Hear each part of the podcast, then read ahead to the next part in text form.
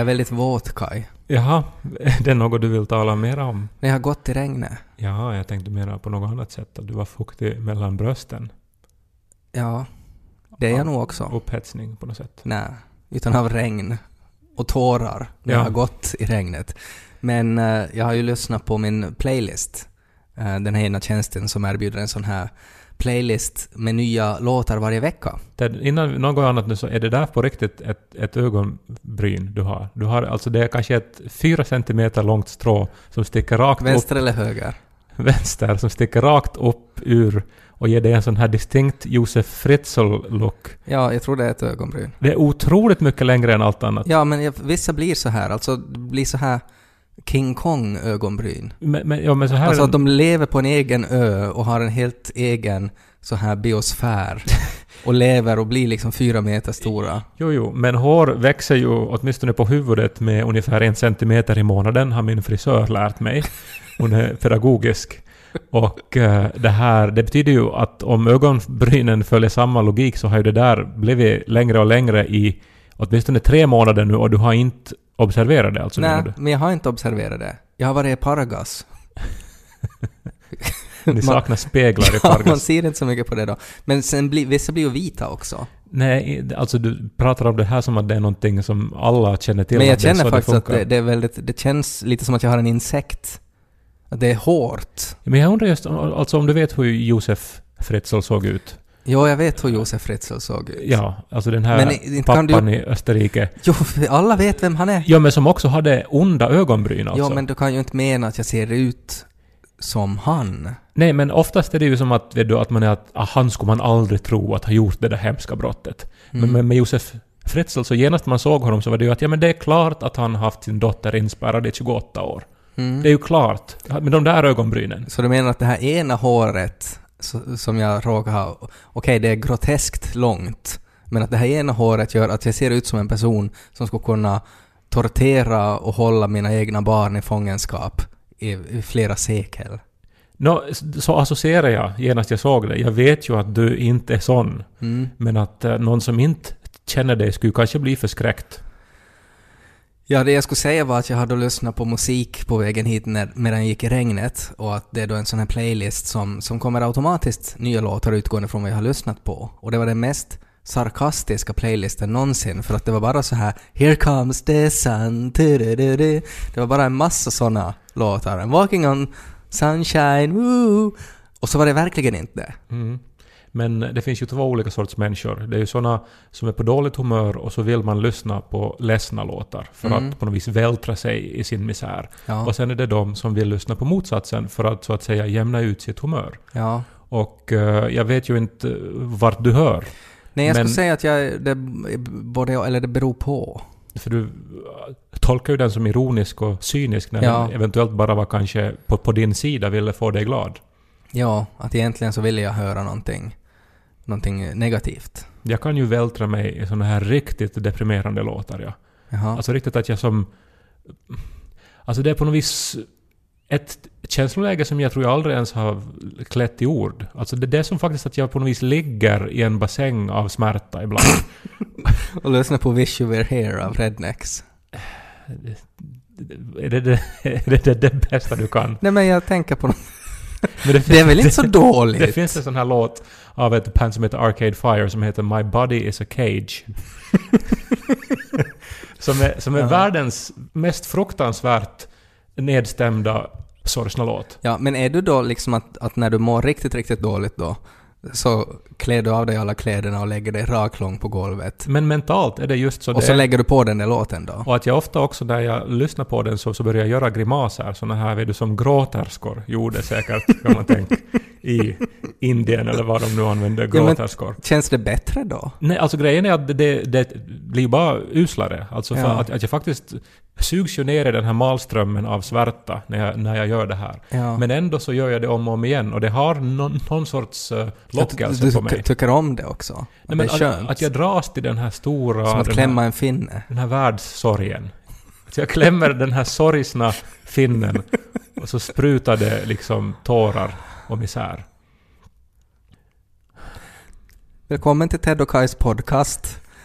Vi hade ju ett litet uppehåll förra veckan, för jag har varit sjuk. Ja, hur mår du nu då? Nu jag, inte vet jag. jag är lite, jag är lite fängig och lite flunsig och Ja. lite sådär. Så inte är jag väl riktigt i skick. Men inte kan vi ju ha mera uppehåll än så. Eh, det här är en Svenska Yle Podcast kan vi ju säga. Jag Mm. heter Ted Forsström. Du heter Kai Korkeaho. Och det här är Daniel Häggman.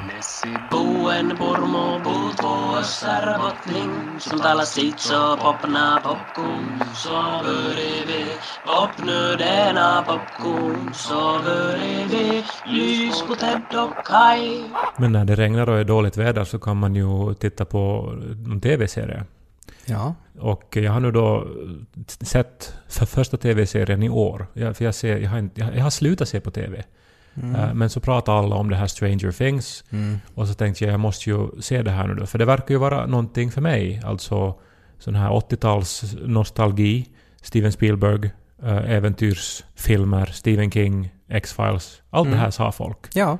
Och eh, det var ju precis vad det var. Mm. Du har sett den också. Jag tyckte den var riktigt bra. Hälften av njutningen är ju det här att man såg alla de här saker som de blinkar mot och att det här Mm. det var en massa klichéer som de lekte Mm. med. Och eh, sen själva storyn var ju inte så jätte spektakulär. Nej, alltså det var ju, det, jag menar... Det, alltså, var det ju skådisarna och uh, blinkningarna. Ja. Så, som Och på något sätt den här nostalgiska känslan av att så här var det när man såg på film när man var liten.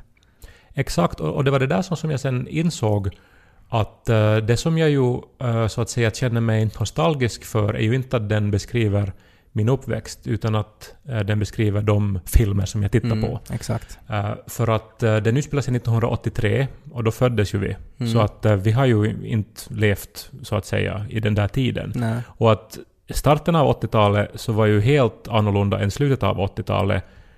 Framförallt för att det inte fanns datorer. Alltså Mm. hemdatorer ännu i början av 80-talet. Redan när vi var sex år så hade man ju hemdatorer, såna här Amiga och Commodore 64 och sånt. Mm. Det, det här är ingen spoiler, men, eh, men att jag måste nu då få säga en sak som, som händer mot slutet av den här serien. Att två av de här eh, huvudkaraktärerna i filmen så får eh, datorer, får Atari-datorer. Till julklapp. Ja. Och det här såg ju jag som att, att det här var liksom eh, filmskaparnas sätt att visa att nu är, nu är oskulden slut. Mm. Ja, jag kan på ett sätt tänka mig nog det.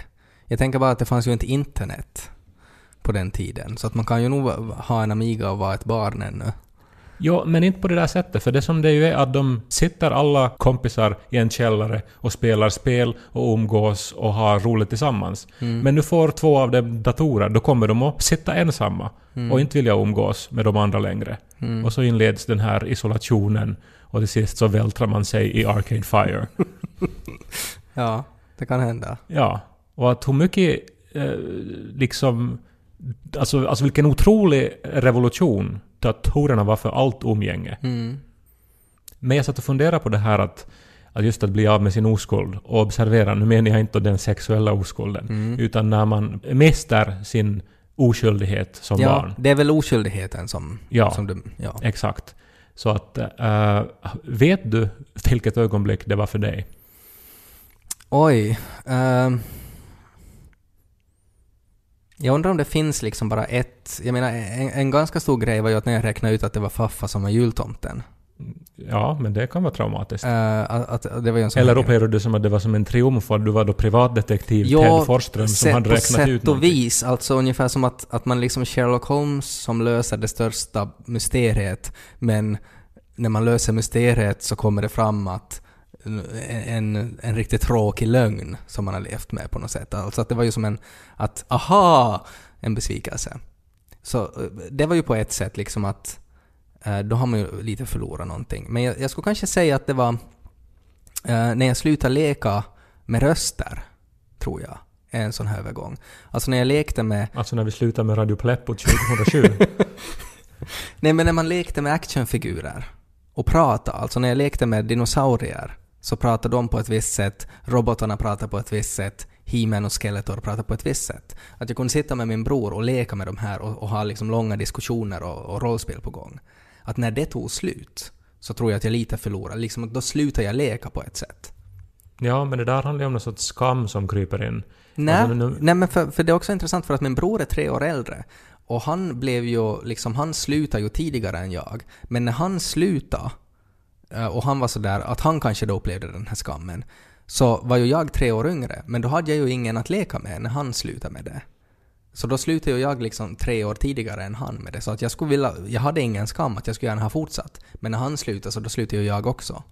Mm, men menar du det här är ögonblicket då oskyldigheten i dig så att säga Nej, raderades? Inte, inte kanske så det, ett steg, ett frö som började med det. Att Ja. jag, jag insåg att nej men okej, nu gör man inte så här något mer. Mm.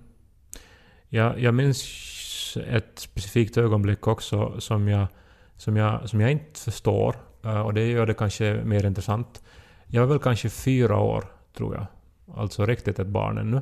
Och eh, vi hade olika rutiner med min mamma och muffa. De bodde grannar med oss, så att jag var ofta liksom och, och skötas hos dem när mamma Mm. och pappa då ville vara i fred eller Mm. någonting. Och eh, det här, vi hade våra rutiner. Eh, Jag och Huffa hade Det låter lite som att ni har så här gymnastiska rutiner. Nej men han hade exempelvis en sån här metalldetektor som vi får ut och, och leta skatter med och så här. Och, Det är otroligt och med häftigt. Hommo så får jag ut och, och vattna blommor i olika ordning. Så här att nu skulle vi först då till rosorna och sen skulle vi till, till be- begoniorna och sen till kinarosen och, och så här. Eller vad de nu heter. Där jag vet vinner, inte. din muffa vinner ju nog där. Det är nog mycket häftigare att gå med metalldetektor. Jag tyckte att de var ungefär lika häftiga aktiviteter. jag.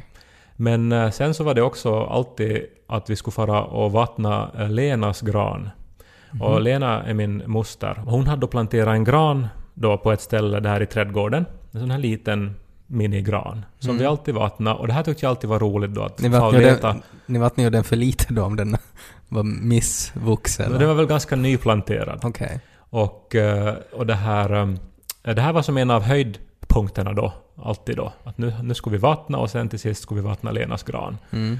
Och jag hade med mig en egen vattenkanna då och så vidare. Och Momo hade en större. Nåja. Mm. Eh, och sen så en dag så hade jag varit då hos mamma och Huffa och så hade vi varit och gjort allt det här då. Och så var vi inomhus och drack saft. Och eh, sen då skulle jag hem och, och äta. Eh, så att jag kramade då mamma och Huffa och sa då hej då, vi ses imorgon, nu får jag äta. Och så gick jag ut och så gick jag raka vägen till Lenas gran och slet upp den med rötterna. Va? Varför gjorde du det? Och sen så, Som man skulle vattna till sist? ja och som jag älskar att vattna. Och du drog bort den med rötterna? Ja, och så höll jag i den och tittade på den och så fylldes jag av en sån här otrolig skräck för vad jag hade gjort. Dels så var ju Lenas gran då viktig för mamma och muffa Ja. och tydligen, och för Lena som hade planterat den. Ja, men var det någon så här dålig impulskontroll då? Och sen gillar ju jag den också. Ja, Men nu hade jag ju förstört den.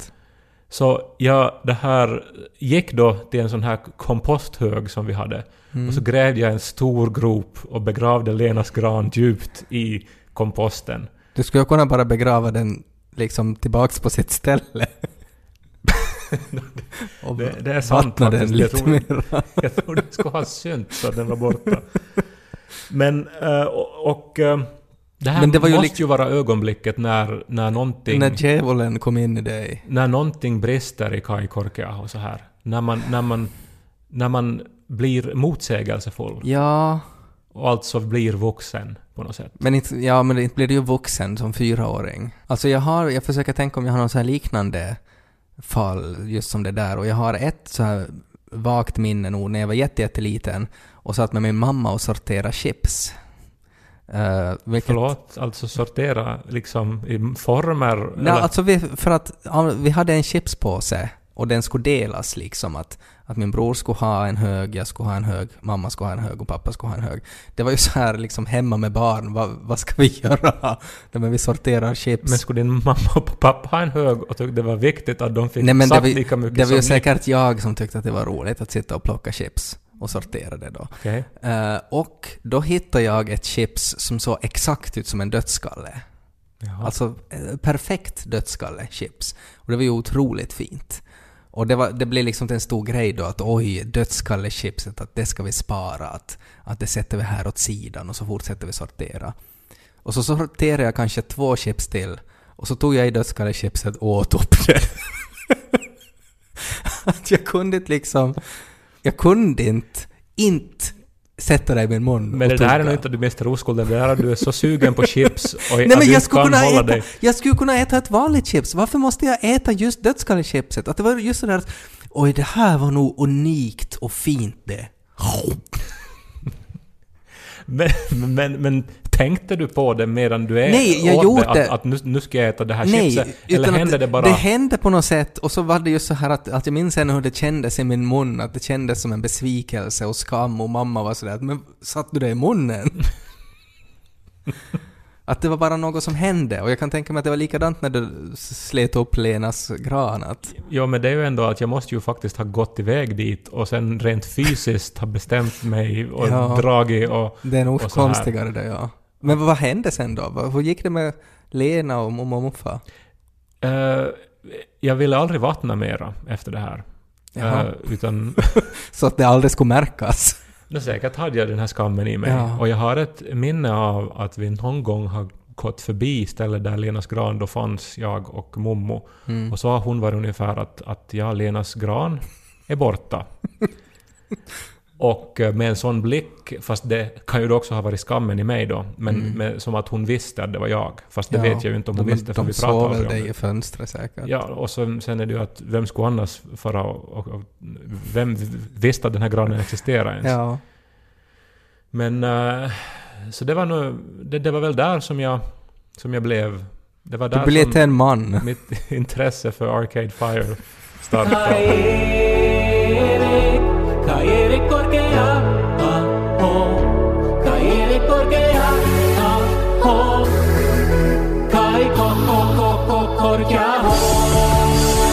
OS är slut.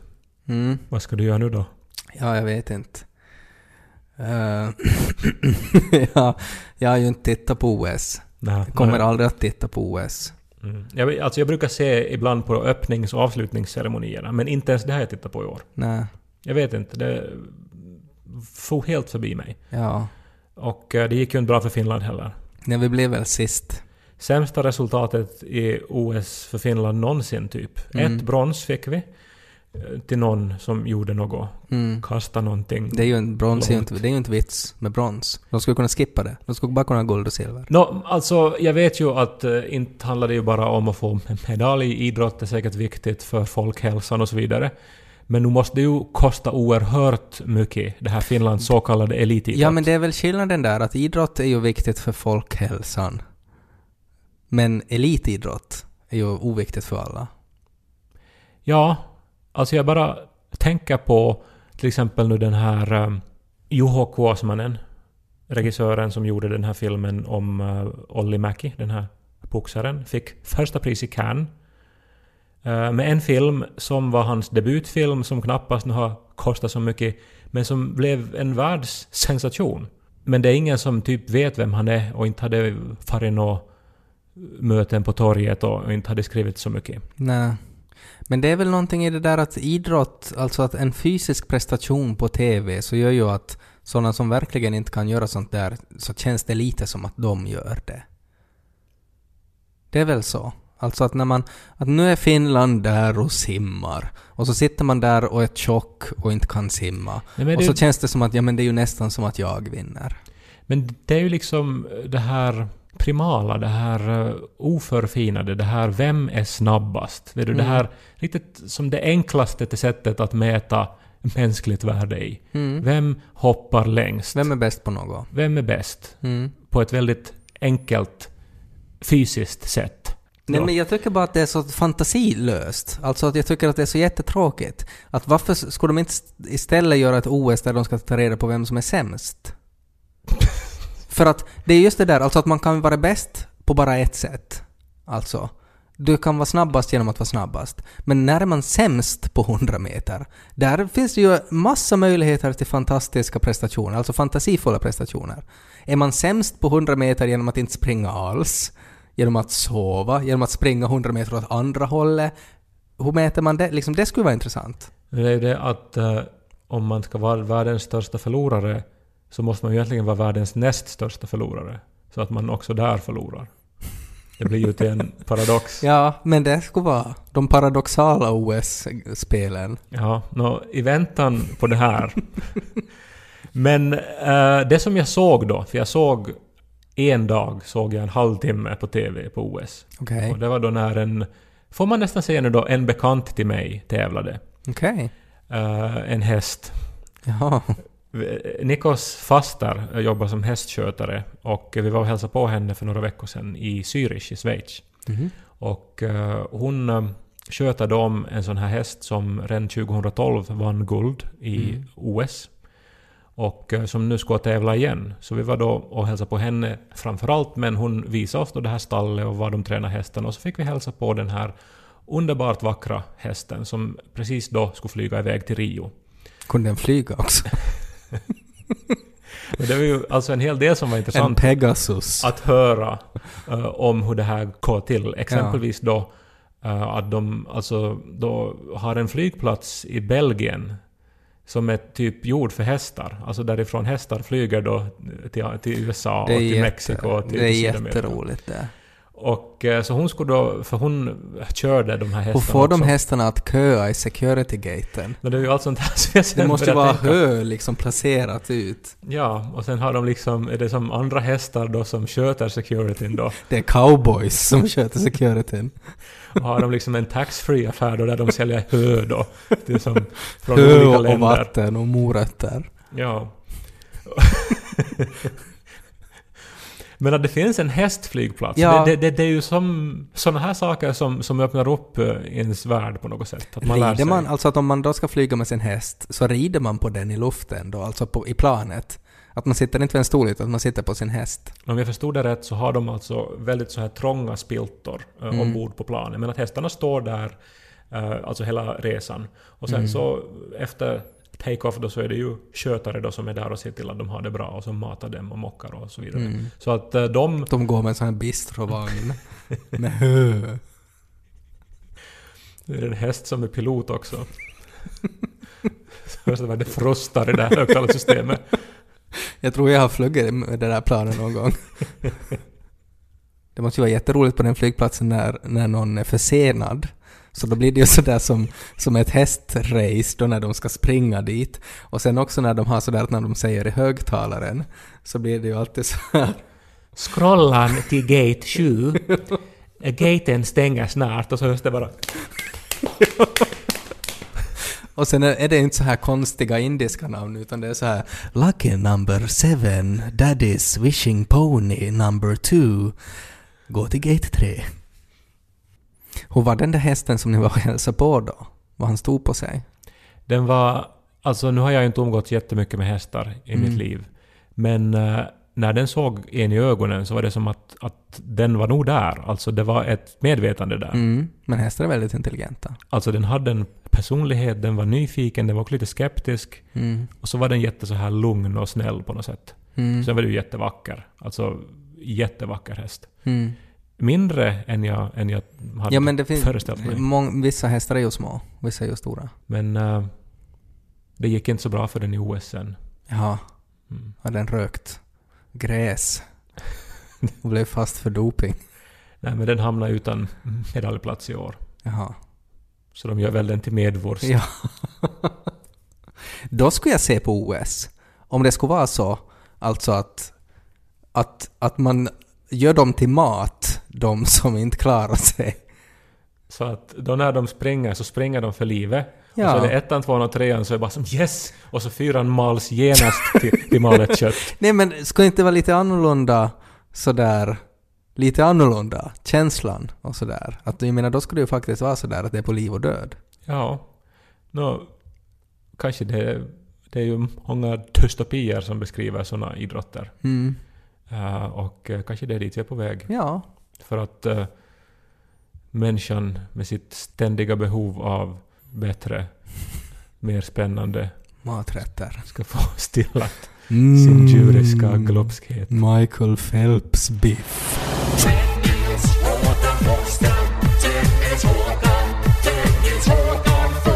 Är man anal eller oral när man är så här noggrann och petig? Är det anal det?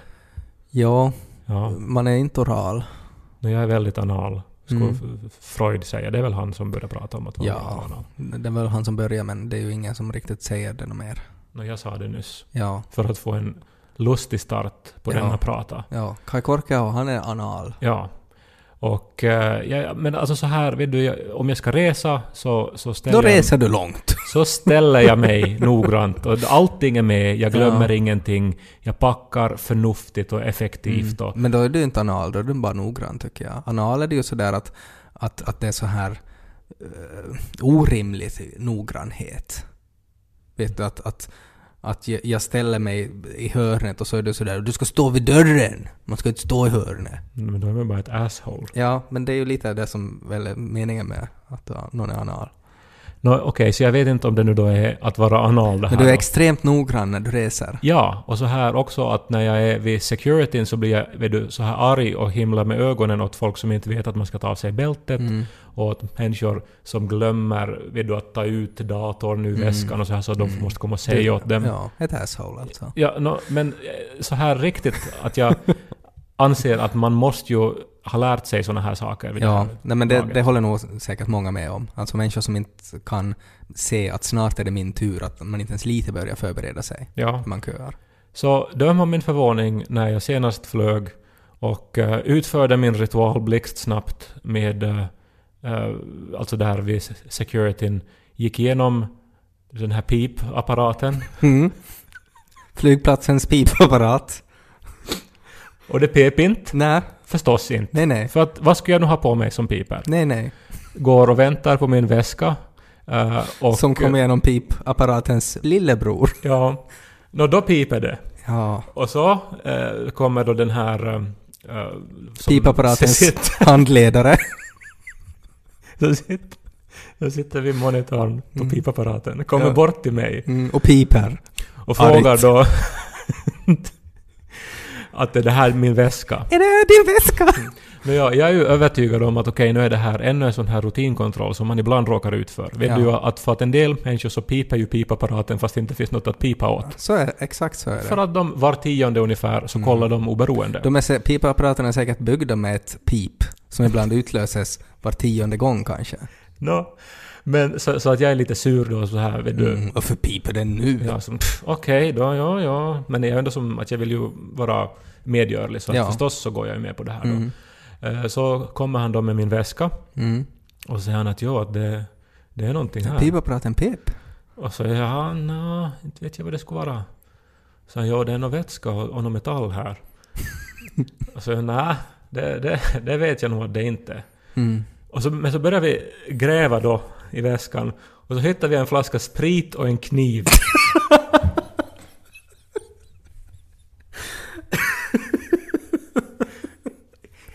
I, I min väska. Ja. Och, så, och, och, och när jag ser dem då så då minns jag ju förstås, då förstår jag ju vad det är. Alltså, för det är ju nog jag nu då som har mockat. Ja. Eh, Men, Du var ju full och i ett slagsmål. men hur jag kan ha mockat är ju Ja. det här då en annan sak. Eh, Alltså det var alltså en eh, sån här korkskruv med en kniv i Mm. som hade blivit kvar Ja. i ett fack som jag inte hade kollat. Nej. För att vi, vi hade rest eh, strax innan den här resan så var jag på en annan resa Mm. och sen hade jag bara helt enkelt glömt den. Mm. Och den här spritflaskan var från samma resa. Och det var alltså en sån här liten flaska, Mm. alltså som man får ta med sig. Den var alltså under 100 milliliter. Ja. Så, så att... eh, men att jag hade också helt enkelt glömt att den fanns där. Mm. Men fortfarande alltså, du hade vapen och sprit i pipapparaten. Och, och, och, och den här skammen då, att jag måste ju börja förklara då för den här uttråkade mannen då, jag som just var stolt och sådär, Mm. det är han nu som har mockat. Mm. Så är det ju jag nu då som har mockat. Och eh, jag var ju oerhört torrtgjord. Det märkliga är också att han sen mätte bladet på kniven och så fick jag ta med den ombord på planet. För den var så liten den här kniven. Ah, ja. Eh, och jag fick ta med flaskan sprit också. Okej. Eh, så jag har aldrig innan alltså, alltså rest uh, beväpnad, men nu har jag gjort det. Ja, så du skulle kunna liksom ha blivit salongsberusad och, och skada människor ombord. Nå, nå, men det var en underlig insikt att okej, t- tydligen så är det inte så här sträckt då att jag får... Mm. Här är jag med en kniv Men det där är nog från flygplats till flygplats tror jag. Det, det som jag insåg var att, eh, att, att det är så här det måste vara att ha Alzheimer också. Mm. För, för att jag var ju totalt... Du, du var övertygad helt om säker på att du visste hur, hur det låg till. Ja. Och så hade du fruktansvärt fel. Och att jag hade rätt men jag hade otroligt fel. Ja. Att jag var totalt utanför verklighetens och medvetandets domäner. Ja. vis. Vad sa jag just? Verklighetens domäner. Men att jag var utanför dem. Mm. Går det att säga så? Ja, det tror jag nog. Jag skulle avsluta den här podden med Arcade Fires My Body is a Cage, men det kan vi tyvärr inte göra för att eh, den är upphovsrättsskyddad. Men kan du jag, ju, sjunga den? jag kan ju be alla lyssnare att gå in och lyssna på den här låten, så... eh, Det nu tror jag inte vi kan göra heller. För då är det väl någon form av reklam. Ja. Men kan inte du sjunga lite av den låten? My body is a cage that keeps me from dancing with the one I love, but my mind holds the key. Alltså jag tycker nog att Wish You Were Here är ännu mer... det är nog sorgligare än det där. Wish you were here, me oh my countryman, wish you were mm-hmm. here. Där är det... Nu får jag lust att lägga mig raklång på golvet.